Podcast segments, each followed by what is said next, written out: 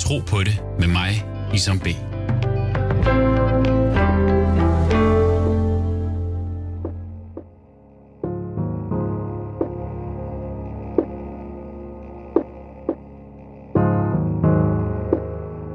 Mit navn er Isom. Jeg er mange ting.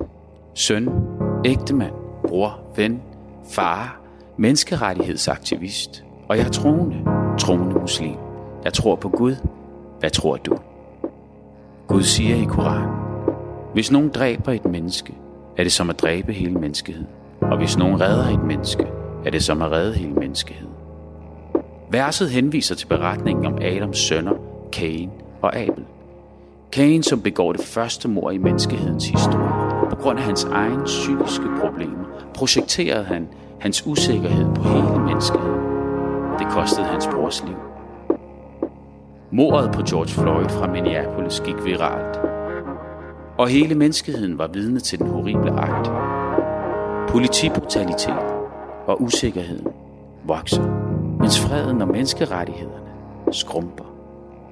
For mig repræsenterer grundloven menneskerettigheder. Hvorfor det er vigtigt, at grundlovsdagen markeres. Jeg taler med præsten Mikkel Vold om grundlovens betydning i forhold til troen, staten og verden omkring os. Du lytter til Tro på det med Isam B.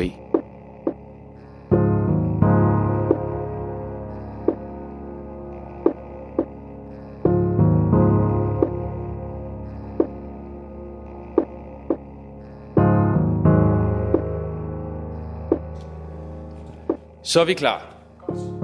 Øh, Mikkel Vold, tusind tak, fordi du vil være med. Vi skal snakke tro og grundlovsdag. Tro og grundlov.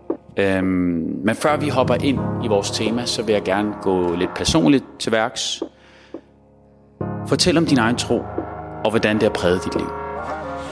Jamen, jeg er ikke vokset op i troende hjem, øh, men blev troende, da jeg var øh, 15-16 år, og blev døbt, da jeg var 17. Øh, så det var absolut ikke et kirkeligt hjem, men er kommet til det forholdsvis sent i mit liv. Øh, og øh, det kom meget hurtigt til at præge mig på en sådan måde, at det blev bestemmende for min livsbane. Øh, jeg besluttede mig for at læse teologi og blive præst, og det er så været nu 26 år herinde i Marmorkirken og 27 alt i alt. Så, og det er klart, det præger mig øh, i et og alt. Det er mit livsgrundlag, det er det, jeg lever for, og det er det, jeg bygger mit liv på. Så på mig har det været alt afgørende. Men øh, så, så troen har ikke fyldt noget i, øh, i barndommen? Jeg vil ikke sige, altså kristendommen fyldte ikke særlig meget, og det kirkelige slet ikke. Og jeg havde egentlig sådan lidt foragt for det kirkelige. Øh, men jeg, var, jeg anerkendte, om jeg så må sige, at der var noget overnaturligt, eller der var noget guddommeligt måske, men, men jeg var meget naturvidenskabeligt orienteret og meget naturvidenskabeligt interesseret, og jeg ønskede mig en beskæftigelse inden for det naturvidenskabelige felt. Så jeg var nok sådan lidt mere over i det, der har med det fysiske at gøre, end med det mentale og det psykiske og det øh, religiøse. Og øh, hvornår møder du så din, øh, hvornår får du din første religiøse oplevelse? Eller? Jamen, det gør jeg, da jeg begynder at gå i kirke, og øh, hvor det former sig ganske langsomt. Jeg læste Nyt Testamente for første gang, da jeg var de der 15-16 år, og øh, kendte absolut intet til beretningerne. Jeg var barn af min tid, og i den tid, der havde man ikke nogen særlig religionsundervisning i skolen. Øh, vi havde samtidsorientering, men øh, det var sådan den tid i 70'erne, hvor det var sådan politisk orienteret over imod venstrefløjen. Men, men øh, trostof fyldte meget, meget lidt.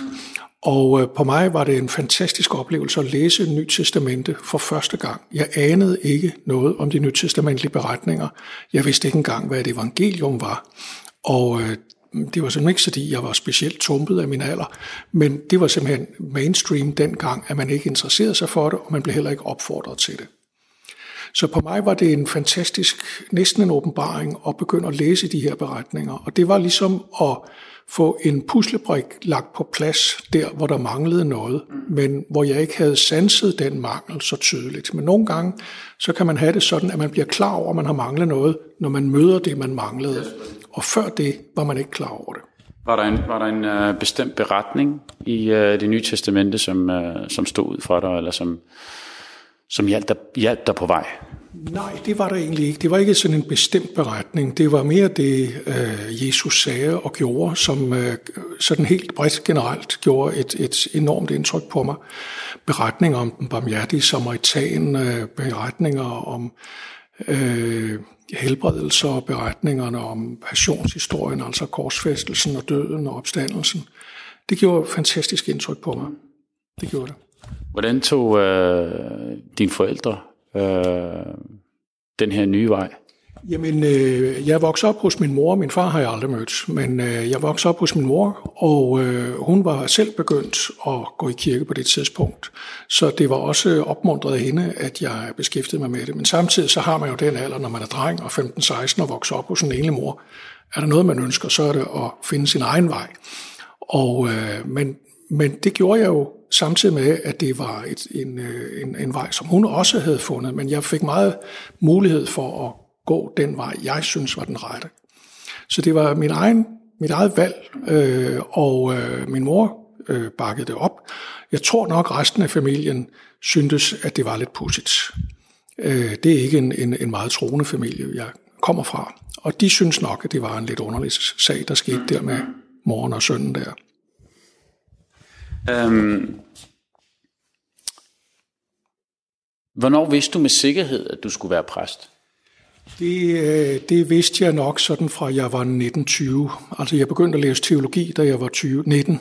Øh, 19 eller 20, jeg kan simpelthen ikke engang huske det. Jo, jeg var 19. Men, øh, men altså øh, efterhånden så formede det sig ret sikkert for mig meget tidligt. Så øh, altså stort set fra jeg begyndte at læse teologi, har jeg haft som mål, at jeg vil være præst. Nogle øh, inspirationskilder, øh, var der en person, som, som, som banede vejen? Ja, det var der. Der var egentlig flere. Der var en meget dygtig præst nede i Helligåndskirken, som hed Goli Vibe Jensen. Og øh, hun var en af de få præster, der kunne samle en stor menighed. Hun var hammerende dygtig og øh, en stor personlighed, og hun har gjort indtryk på mange, og også mig.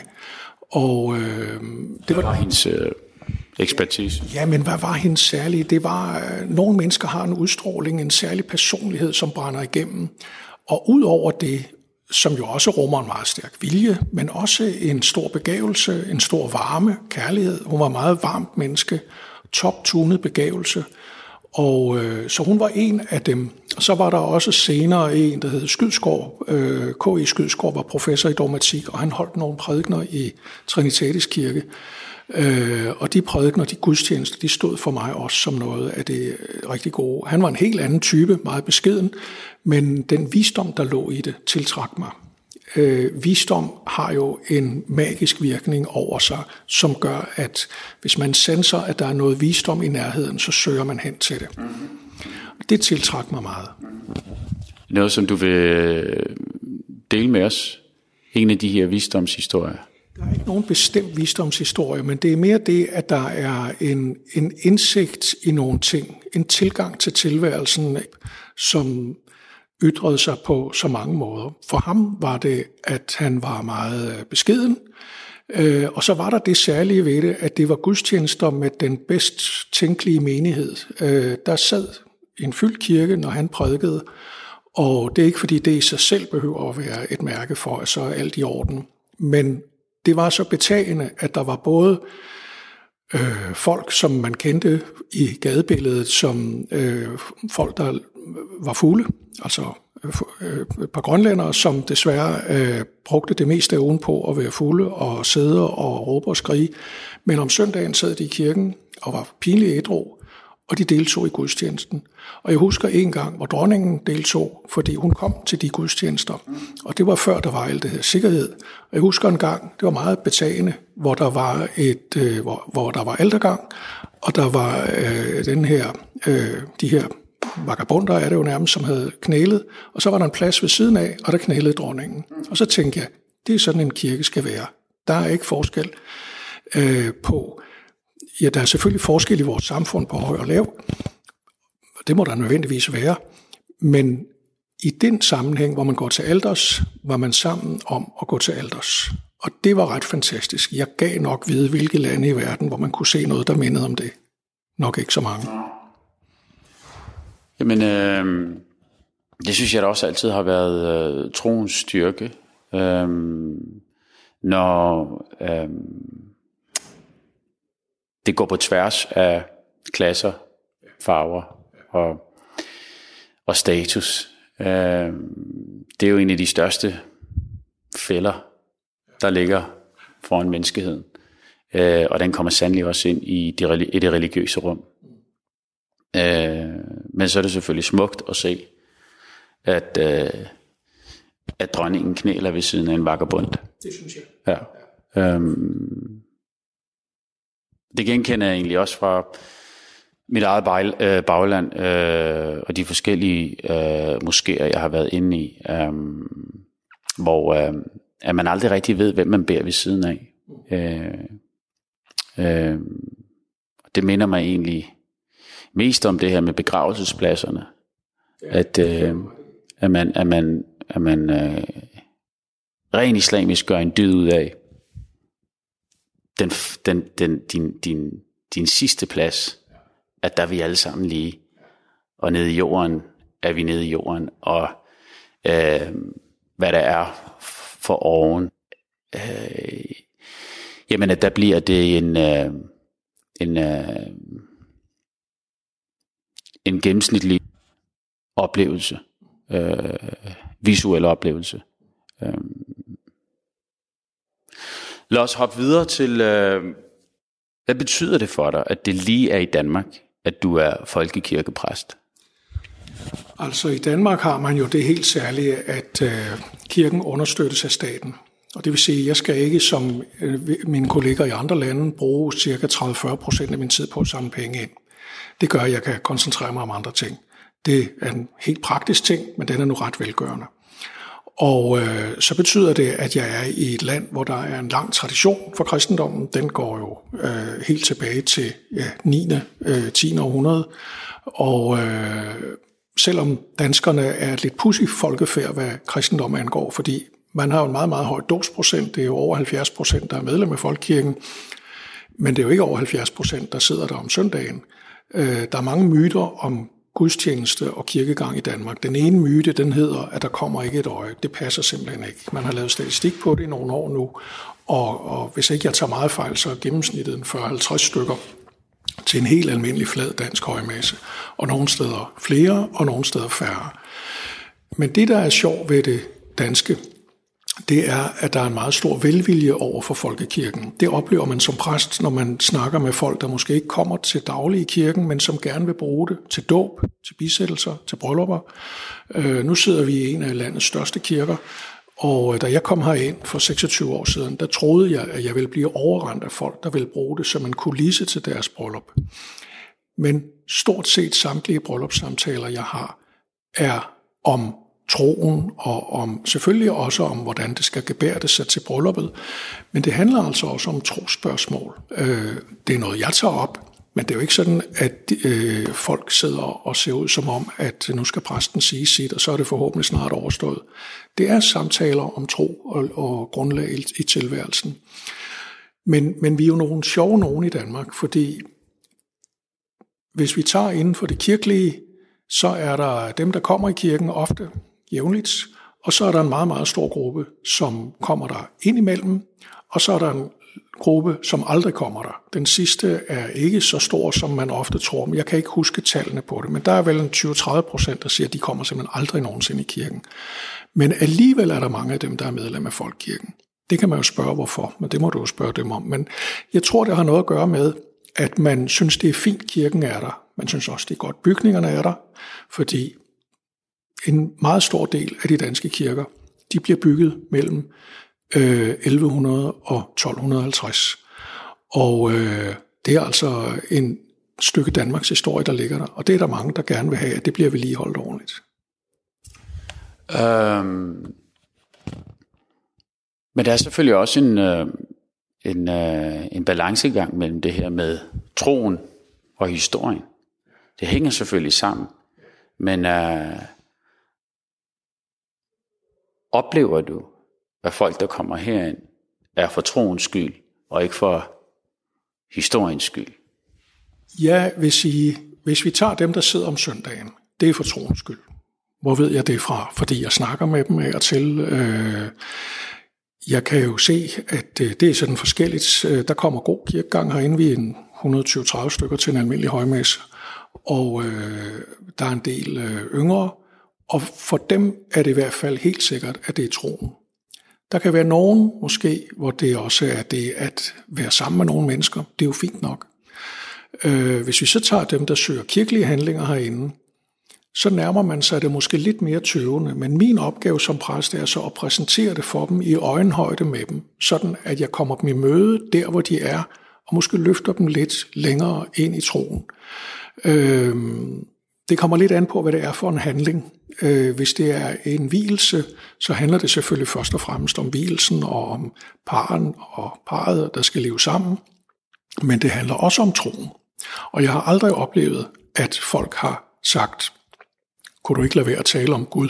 Kunne du ikke lade være at tale om tro? Vi skal bare giftes, så sig et eller andet, og så har vi nogle gode øh, melodier og nogle gode sange, og så ikke for meget om det der med Gud og Jesus. Det har jeg simpelthen aldrig oplevet, og jeg vil kunne huske, hvis de havde sagt det. Men jeg kan nogle gange opleve folk, som nærmer sig det lidt tøvende, fordi vi har også en berøringsangst i Danmark i, i, i kristne krise over for det religiøse.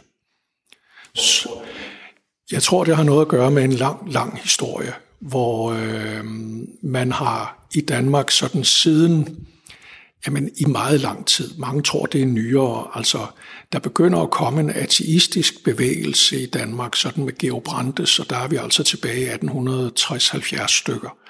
Og den ateisme, den er nogle gange stærk og nogle gange svag. Lige for øjeblikket har den ikke særlig meget vind i sejlene, fordi jeg kan jo se, at mange mennesker, som pludselig begynder at komme i det kirkelige, som er den yngre årgang, og som øh, har haft en ateistisk anskuelse, men som synes, de er blevet klogere. Øh, den anden vej kan jo også godt ske, men mit indtryk er altså, at pendulet er ved at svinge. Hvis du havde spurgt mig for 10 år siden, så ville jeg have sagt, at så havde ateismen meget vind i sejlene. Og det havde den egentlig også indtil for få år siden, hvor der var, der var sådan en stor kampagne for at melde folk ud af kirken. Og der var også nogen, der meldte sig ud. Men hvis du ser på medlemstallet i det, der hedder ateistisk selskab eller ateistisk forening, hvad det hedder, så er der altså under 1000. Det er godt nok ikke meget. Vi har 4,2 millioner. Så, øh, så det er jo ikke sådan en markant bevægelse, der er i gang der. Mm-hmm. Interessant. Øhm, jamen lad os hoppe ind i øh, dagens tema, tro og grundlov. Øhm, så den danske grundlov blev indført i 1849. Med grundloven fejres demokratiet. Der afholdes grundlovsfester over hele Danmark. Hvordan fejrer kirken grundlovsdagen? Kirken fejrer ikke grundloven, fordi det er ikke en kirkelig højtidsdag. Det er en festdag, og du vil meget ofte finde præster, som holder grundlovstale, men det gør de ikke som repræsentanter for kirken. Det gør de, fordi i Danmark har vi det ret unikke, at kirken og det folkelige er gået sammen i mange, mange hundrede år. Og i byerne er adskillelsen noget skarpere, men hvis du tager ud på landet, så vil du ofte finde, at skolen og kirken og idrætsforeningen og sådan noget, de har et tæt samarbejde. Der er nogle steder, hvor de ikke har det, men der er nogle steder, hvor de har et helt naturligt samarbejde. Og det vil typisk være sådan, at man beder den lokale præst om at holde grundlovstalen. Ligesom man kan sige, at der er nogle gange, hvor præsten holder tale ved Sankt Hansbålet. Men der står præsten ikke og prædiker, men han taler om folkelighed og, og hvad det betyder at være et folk. Hvad vil det sige at være et folk? Hvad vil det sige at have en grundlov, navnlig i vores tid, hvor der er så meget, der udfordrer det, som grundloven er bygget på. Nogle af de piller, vi har, søjler, som vi bygger vores velfærdsstat på. Åbenhed, tolerance, øh, åbenhed over for tanker, der er anderledes end dem, vi kender i forvejen. De er truet i denne her tid, hvad jeg våger påstå.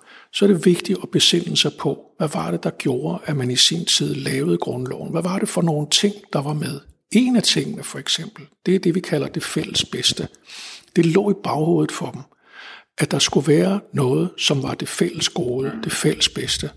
Fællesskabet. Hvad er det at være fælles? Det er en af de store udfordringer i en grundlovstale. Og den vil du kunne finde en del præster, som godt vil kunne byde ind på, ligesom alle mulige andre. Også dem, der overhovedet ikke er troende selvfølgelig. Jamen, øh, det fælles bedste, det, det kan jeg godt lide. Det, det er et godt slogan. Øh, bør andre religiøse minoriteter deltage i den her folkefest, øh, nu hvor vi kigger på det fælles bedste? Og det tænker jeg umiddelbart, at svaret er ja til. Ja, det skal jeg love dig for. Fordi hvis ikke man gør det, så, så nærmer man sig jo der, hvor man melder sig lidt ud. Og er der noget, vi har brug for, så er der at stå sammen. Og det, vi har brug for, det er at stå sammen, også det religiøse. Hvis ikke, der var en stor tysk teolog, der hedder Hans Küng, som på et tidspunkt sagde, der bliver ikke fred i verden, før der er fred mellem religionerne. Og hvis religionen har den holdning, at vi er forskellige i vores opfattelse, og det er der ingen grund til at, at skjule, at vi er, men at vi er sammen om at sikre, at vi alle sammen har mulighed for at være her. Og den, der søger sandheden oprigtigt, skal beskyttes, sådan at man har mulighed for at søge sandheden i frihed. Og friheden og sandheden er nogle store ord, men det er dem, som vi har bygget det her samfund på. Og derfor er det så utrolig vigtigt, at også dem, der måske opfatter sig som lidt ude i periferien af det danske samfund, at de bliver bragt med ind, og at de selv kommer med ind. Fordi det at være dansk er jo svært at definere, men det historiske har vist, at vi kan indoptage forskelligheder. Men det kræver også, at alle er med på at mødes, sådan at man har den, hvad skal vi sige, den tolerance, som hedder, at vi prøver ikke at være ens, men vi prøver at sikre, at vi alle sammen kan være ham. Og frihed er jo det, at jeg tillader, at andre også har en frihed. Der er et amerikansk ordsprog, der hedder, din frihed til at svinge din arm er begrænset af min næse. For hvis jeg bruger min frihed til at sætte dig i ufrihed, så har jeg misbrugt min frihed. Med mindre selvfølgelig, at den anden, altså der er et klassisk spørgsmål, der hedder, hvad gør det tolerante samfund med den intolerante? Og det tolerante samfund skal sikre, at det tolerante samfund bliver ved med at være det tolerante, og derfor den intolerante må ikke få for meget magt. Se på nazismen.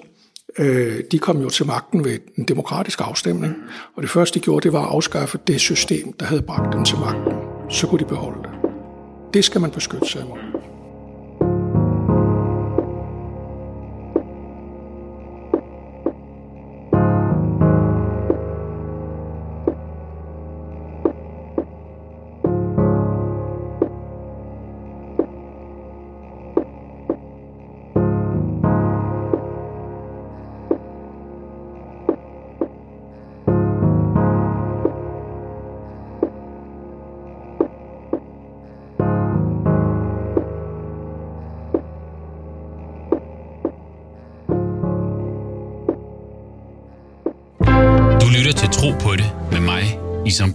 Har altid været øh,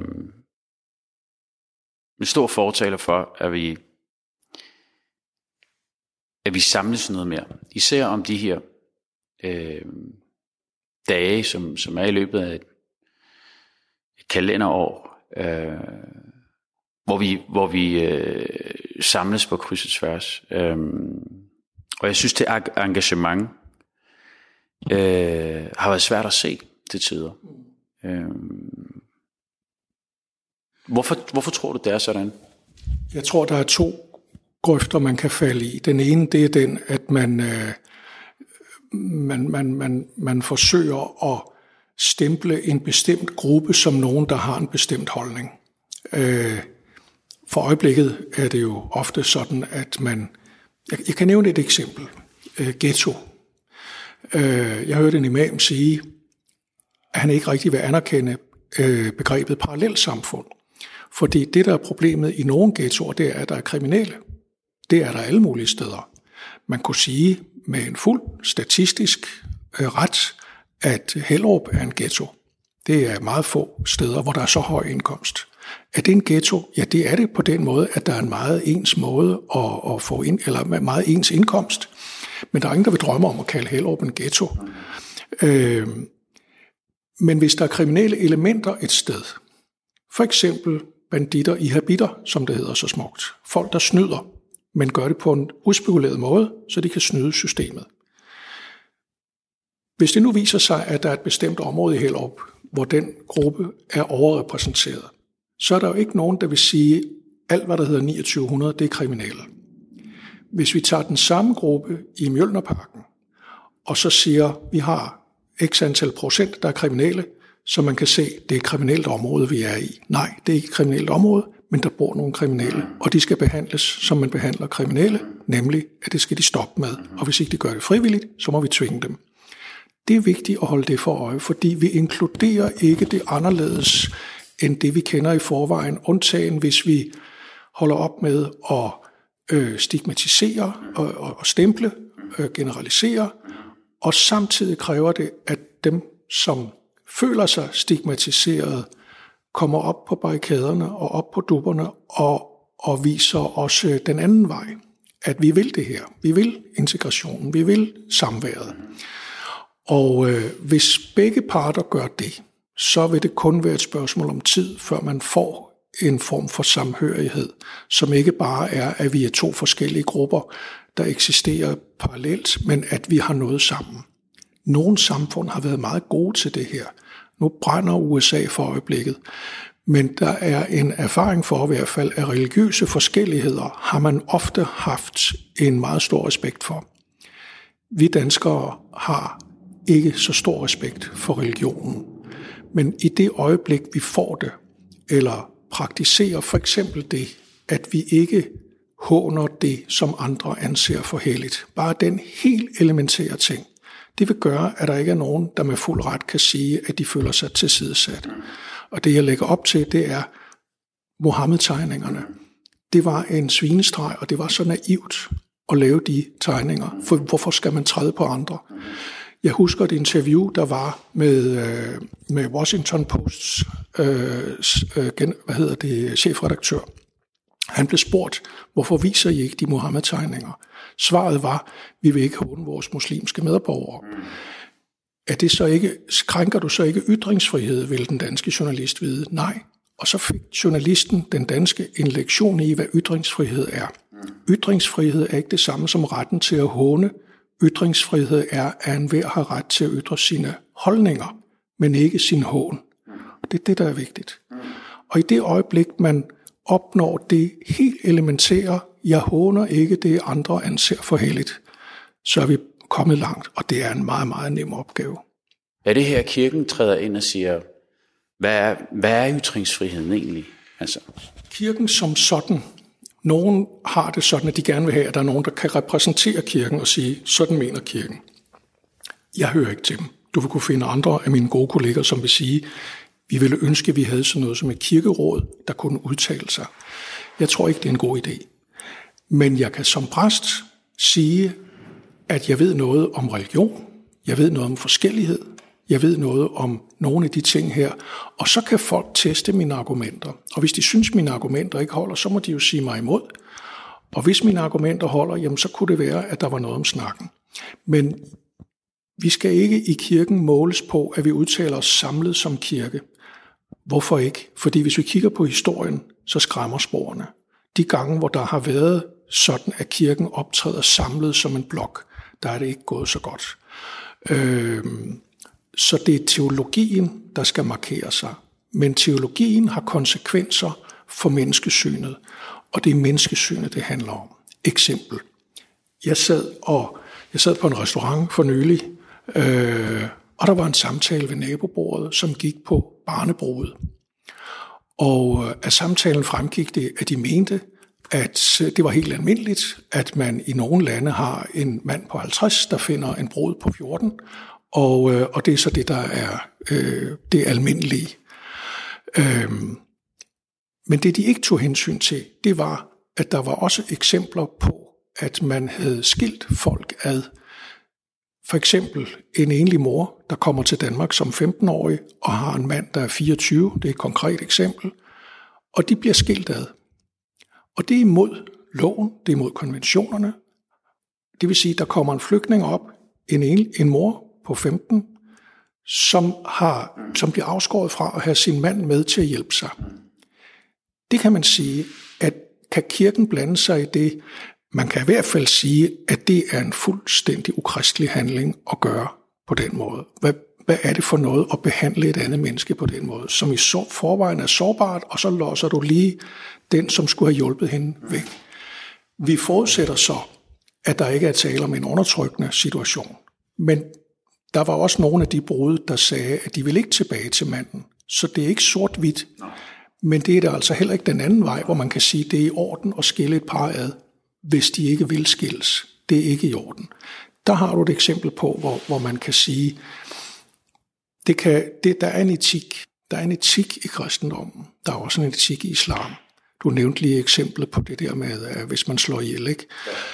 Og det går fælles i religionerne. Og etikken har at gøre også med det enkelte menneskes værdighed. Og hvis nogen behandles uværdigt, så er de på kollisionskurs med kristendommens menneskesyn. Det er noget af det første, jeg siger til konfirmanderne, det er, der er ikke noget, der hedder det uværdige liv. De skal have respekt for enhver person, også vagabunden, som ikke udstråler værdighed, men som udstråler, at alt er gået galt. Det er vigtigt at se mennesket i den person, og det er vigtigt at passe på værdigheden i menneskelivet. Altså der, der føler jeg som muslim, at jo mere dedikeret jeg er til min religion, jo mere går jeg op i min familie og i mit samfund og i menneskerettigheder og andre mennesker. Øh, og det tror jeg som troende er noget, vi har til fælles. Det er jo øvelsen. Verset, du, du øh, hentydede til lige før, siger, at hvis nogen dræber et menneske, er det som at dræbe hele menneskeheden. Og hvis nogen redder et liv, er det som at redde hele menneskeheden. Det er i, øh, i Koranen, i det kapitel, der hedder Bordet. Øh, og verset henviser til beretningen om Adams sønner, øh, Cain og Abel, hvor Cain han begår det første mor i menneskehedens historie. Fordi han har et problem, og hans menneskesyn øh, fejler noget. Og det lader han gå ud over sin bror. Så det koster hans brors liv. Øh, når vi kigger rundt ude i verden, så er der jo en masse brandpunkter derude. Og der er en masse mennesker, der bliver trådt på. Øh, det synes jeg jo også er noget, vi skal markere på grundlovsdagen. Vigtigheden af, at vi, at vi mindes, og vi øh, jamen, tager den dag seriøst, for at minde os om, hvor, øh, hvor værdifuld øh, grundloven er. Øh, hvad tænker du om det? Jeg tænker, at vi har en, øh, vi har en mulighed for at hjælpe andre i kraft af det samfund, vi har bygget op her. Og øh, et eksempel. Nu er vi sådan i slutningen af første fase af coronaen. Forhåbentlig kommer der ikke flere. Øh, og øh, det begynder at lette langsomt. Man skal stadig passe på. Øh, og på et tidspunkt, da det virkelig brændte på, der bad Italien om hjælp. De havde ikke respiratorer nok. Tyskland gjorde det, at de sendte nogle fly ned og hentede patienter. Det gjorde man ikke i Danmark. Det forstår jeg ikke. Det kan jeg ikke forstå, at man ikke kunne gøre. Og så kan du sige, hvad har det med grundloven at gøre? Det har det med grundloven at gøre, at i det øjeblik, jeg er i et samfund, der er velfungerende i kraft af en grundlov, så har jeg nogle ressourcer. De ressourcer, dem kan jeg bruge til at hjælpe andre. Det ligger i hele vores tænkning, at hvis nogen ligger ned, skal du hjælpe dem med at komme op igen. Hele vores samfund bryder sammen, hvis ikke vi har den grundholdning, der hedder, at dem, der ligger ned, hjælper du op. Nu ligger de ikke ned i Danmark, nu ligger de ned i et andet land. Skal jeg så ikke hjælpe dem? Jo, det skal jeg, fordi i det øjeblik, og der kan du sige, der er det måske ikke så meget grundloven, men nu er det præsten, der henter noget teologi ind. Luther, han siger et sted, hvis du ser en gå omkring uden klæder, og du kunne have givet ham klæder, og han dør, fordi han mangler klæder, så er du medskyldig i hans død. Og ser du en sulte, og kunne have givet ham mad, men ikke gør det, så har du unddraget ham din kærlighed, og dermed er du medvirkende til, at han dør. Det vil sige, at i det øjeblik, jeg har en mulighed for at hjælpe andre, har jeg også en pligt til det. Det hænger også lidt sammen med begrebet ansvar. Ansvar, det betyder faktisk, at jeg svarer nogen. Og jeg bliver jo af situationen spurgt, hvad vil du som borger i Danmark gøre ved, at der er et land, hvor de lider? Alene kan jeg ikke gøre noget. Men hvis vi sammen har nogle ressourcer, som gør, at vi kan hente nogle mennesker op, som ellers ville dø, og lægge dem ind på vores hospitaler i en periode, indtil det her apokalyptiske scenarie, øh, Marit-scenarie er forbi, så har vi en pligt til at gøre det. Siger grundloven det sådan direkte? Ja, den har altså, dansk lovgivning har det, at hvis du ser en, der ligger på gaden og går forbi, så går du da skyldig i en forbrydelse. Man kan straffe folk, der går forbi andre, som har behov for hjælp, og, ikke, og de så ikke yder den hjælp. Så det ligger i vores, det ligger i vores grundlov. Det fører mig lidt over til uh, George Floyd i uh, Minneapolis. Uh, I dag i de her uh, sociale medietider, hvor øh, vi faktisk alle bliver vidne til det mor øh, i form af politibrutalitet. Øh,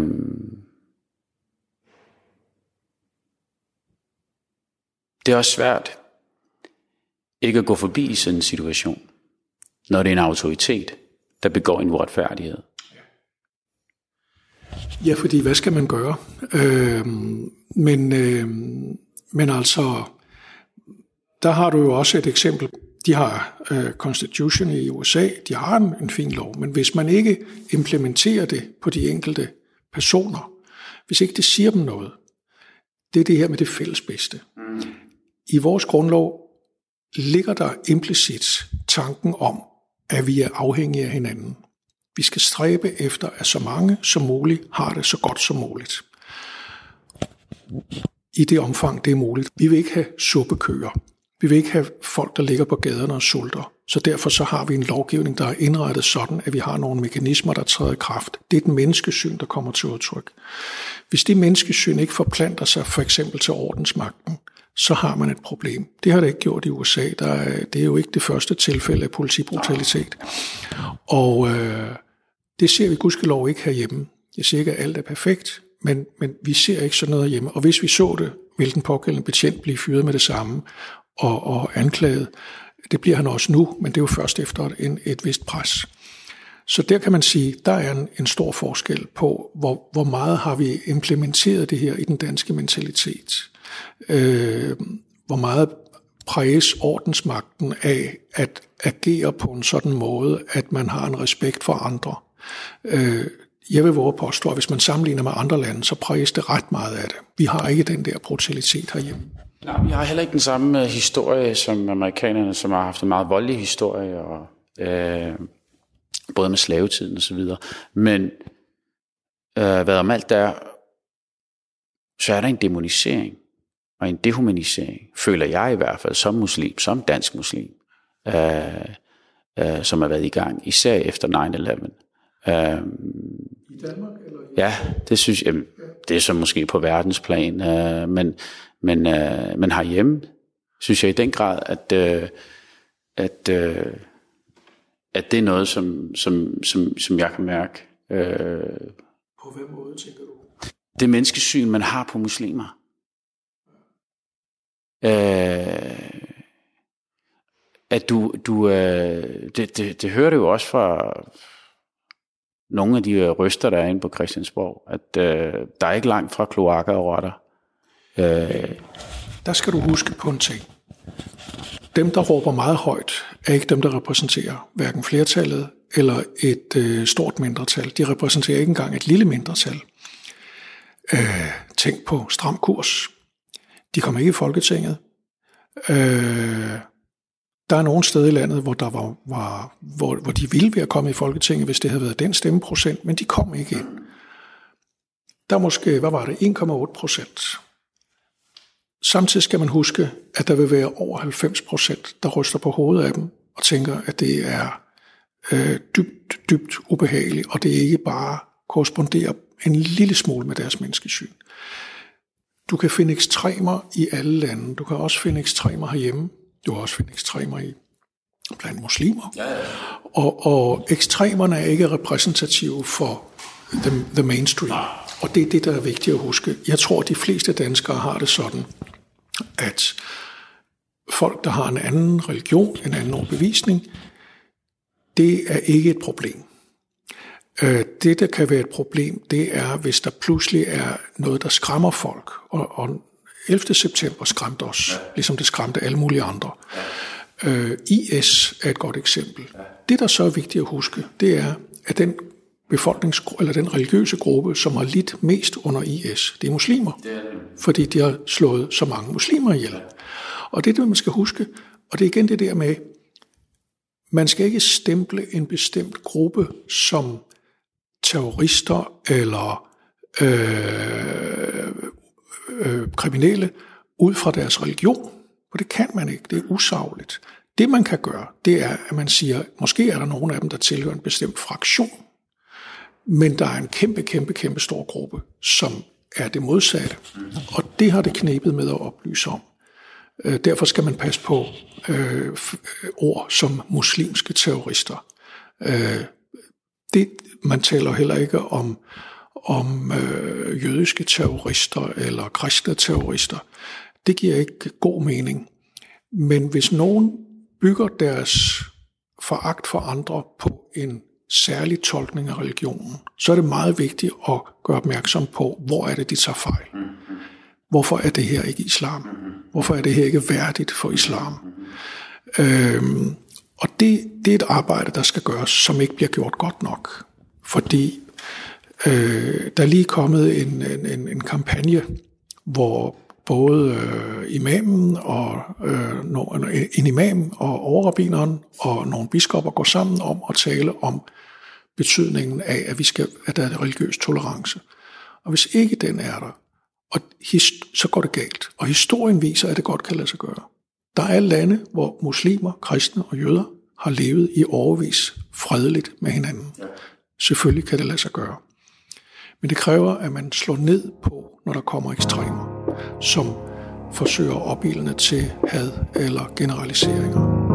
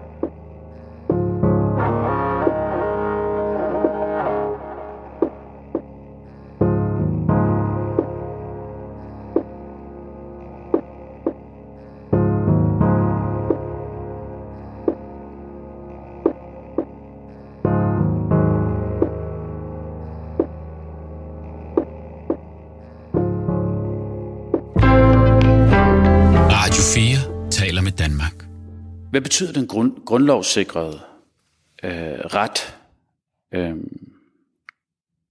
til religionsfrihed for dig? For mig betyder det det, at enhver har ret til at søge sandheden, som han, hun synes er, er det bedst for vedkommende. Og det vil sige, at der er en frihed, som skal være frihed under ansvar. Det betyder, hvis jeg bruger min frihed til at undertrykke andre, så har jeg misbrugt min frihed. Hvis jeg bruger min frihed til at søge det, jeg synes er sandt, så har jeg forstået det rigtigt. Øh, nu er der jo kun en uh, grundlovssikret religionsfrihed, og ikke religionslighed. Er det også vigtigt, tænker du? Ja, det er det. Fordi religionsfriheden betyder, at der er en, øh, at der er en, en, en lige mulighed for alle. Øh, det betyder ikke, at enhver religion i Danmark kan få lige meget støtte. Der giver vi det efter, hvor mange tilhængere der er. Øh, en lille bitte øh, asatroende forening kan ikke få lige så meget støtte, som Folkekirkens præster eller andre kan få. Så kan man diskutere, hvorvidt vi skal have en religion, vi foretrækker. Øh, det er historiske årsager. Altså der står jo i grundloven, at øh, staten understøtter folkekirken. Øh, og øh, og det, det har en lang tradition bag sig, som også går tilbage til der, hvor der ikke var nogen muslimer i, i Danmark. Stort set ikke nogen. Der var nogle jøder, øh, men der var ikke nogen muslimer. Men man har altid haft det i Danmark, at man har øh, haft religiøse minoriteter. Nogle gange har de haft det rigtig hårdt. Jøderne har i for eksempel 1800-tallets begyndelse, 1814, var der en jødefejde, øh, hvor, hvor jødiske butikker blev smadret, øh, og kongen måtte gribe ind og sætte soldater i gaderne. Øh, så har du øh, øh, besættelsen, hvor, hvor jøderne blev øh, forsøgt udryddet, øh, og hvor man prøvede at beskytte jøderne. Øh, man har altid haft det, at religiøse minoriteter har været forfulgt på den ene eller den anden måde i perioder. Og derfor ligger det ofte hos os, hvis vi kan bare en lille smule historie, at religiøse minoriteter skal beskyttes, og de skal have lov til at dyrke deres tro og deres religion i fuldstændig frihed. Hvordan understøtter vi troen, religionsfriheden efter din mening? Og øh, hvad kan kirken gøre? Altså, vi understøtter jo ved, at øh, i folkekirken, der har man jo øh, det forhold, at staten understøtter folkekirken. Man synes, at der skal være en kirke, som staten betaler til. Der var engang en kirkeminister, der sagde meget klogt, at hvis øh, staten ikke har øh, en religion, så guddommeligt gør staten sig selv, og det er ikke helt forkert. Og øh, som sagt, så er der en frihed, men der betyder ikke, at der er religionslighed forstået på den måde, at alle får øh, den, de samme privilegier eller de samme øh, retningslinjer. Men der er ingen, der bliver hindret i at sige, hvad de mener og gøre, hvad de vil, så længe det ikke generer andre. Så kan du så spørge, øh, skulle man ikke give øh, privilegier til, til religiøse organisationer, sådan at de for eksempel kan få skattefordele og sådan noget. Det er sådan en anden øh, diskussion, som jeg ikke er så så meget inde i. Men det idémæssige i det ved jeg noget om. Og der er det vigtigt, at det, at det foregår i en frihed, som samtidig er en frihed, der tillader, at også andre, der mener noget andet end mig, har frihed. Så det er ikke kun mig, der skal have frihed. Det er også dem, der mener noget andet end mig. Jamen, øh, i forhold til fællesskabet, øh, selvom vi ikke har en grundlovssikret ret til religionslighed i Danmark, kan vi jo godt arbejde hen imod øh, højere grad af lighed og fællesskab. Hvad tænker du, vi kan gøre for mere lighed øh, religionerne imellem? I Danmark? Ja, vi kan jo i hvert fald holde op med at demonisere dem, der mener noget andet end det, vi selv synes. Vi kan sørge for at inddrage øh, overvejelser over, hvorvidt, hvad, hvad er tolerance for noget. Tolerance bliver nogle gange forvekslet med ligegyldighed, at det hele er lige meget. Det er det ikke. Men det at mødes i modsætninger fredeligt og prøve at diskutere på en fredelig måde, uden at jeg bliver frustreret over, at den anden ikke køber mine synspunkter. Det er sådan noget, der er vigtigt. Og så skal man gøre det helt elementære, som jeg nævnte før. Man skal lade være at krænke det, andre anser for heldigt. Derfor var det også, efter min mening, en stor fejl at afskaffe blasfemiparagrafen. Fordi den betyder, at der er et signal om, at der er noget, som jeg måske ikke sympatiserer med, jeg forstår det måske ikke engang, men jeg lader det være i fred. Jeg, jeg gør ikke nar af det, fordi der er nogen for hvem det her betyder noget. Og det er en helt elementær ting. Jeg går jo heller ikke hen og sparker øh, konfirmanderne over skinbenet, øh, eller gør nar af dem, hvis de siger noget forkert. Hvorfor gør jeg ikke det? Fordi alle vil være enige om, at det var, det var en, en voksen, der tager sig øh, fuldstændig uforsvarligt over for børn. Men, men øh, jeg går heller ikke ned, øh, jeg går ikke over til den russiske kirke og siger, at de har taget fuldstændig fejl, eller den katolske kirke og siger, at de ikke forstår en pind af det hele.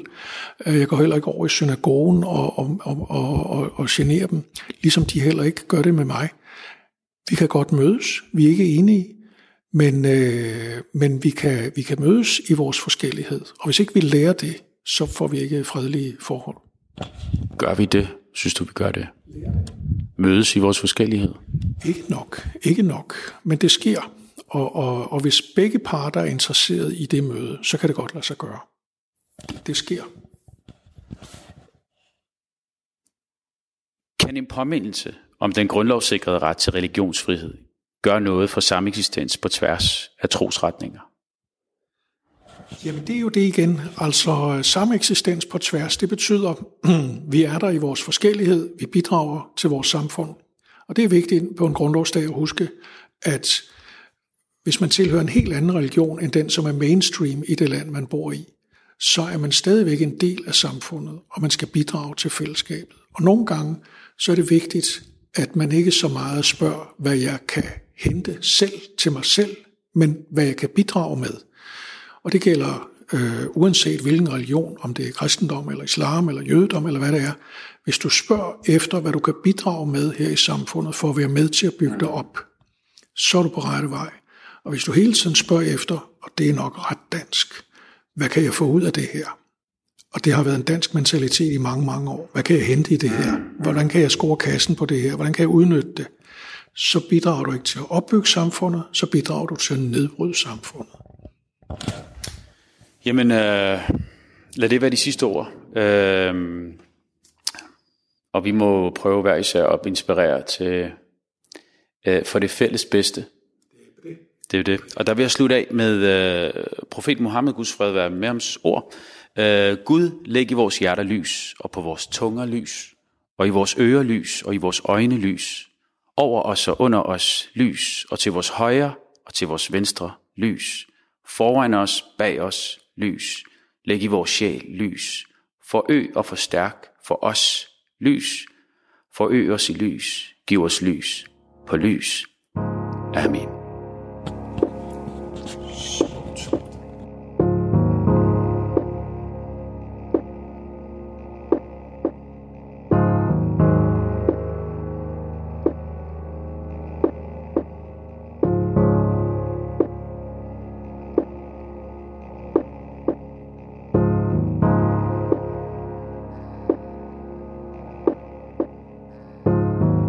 Min gæst i dag har været sovnepræsten Mikkel Vold. Har du kommentarer eller idéer til programmet, så skriv til trosnabelagradio4.dk. Du kan også finde programmet som podcast på radio4.dk. Jeg er tilbage igen på næste onsdag kl. 18.05 med en ny samtale, hvor jeg går tæt på troen og leder efter det, vi har til fælles.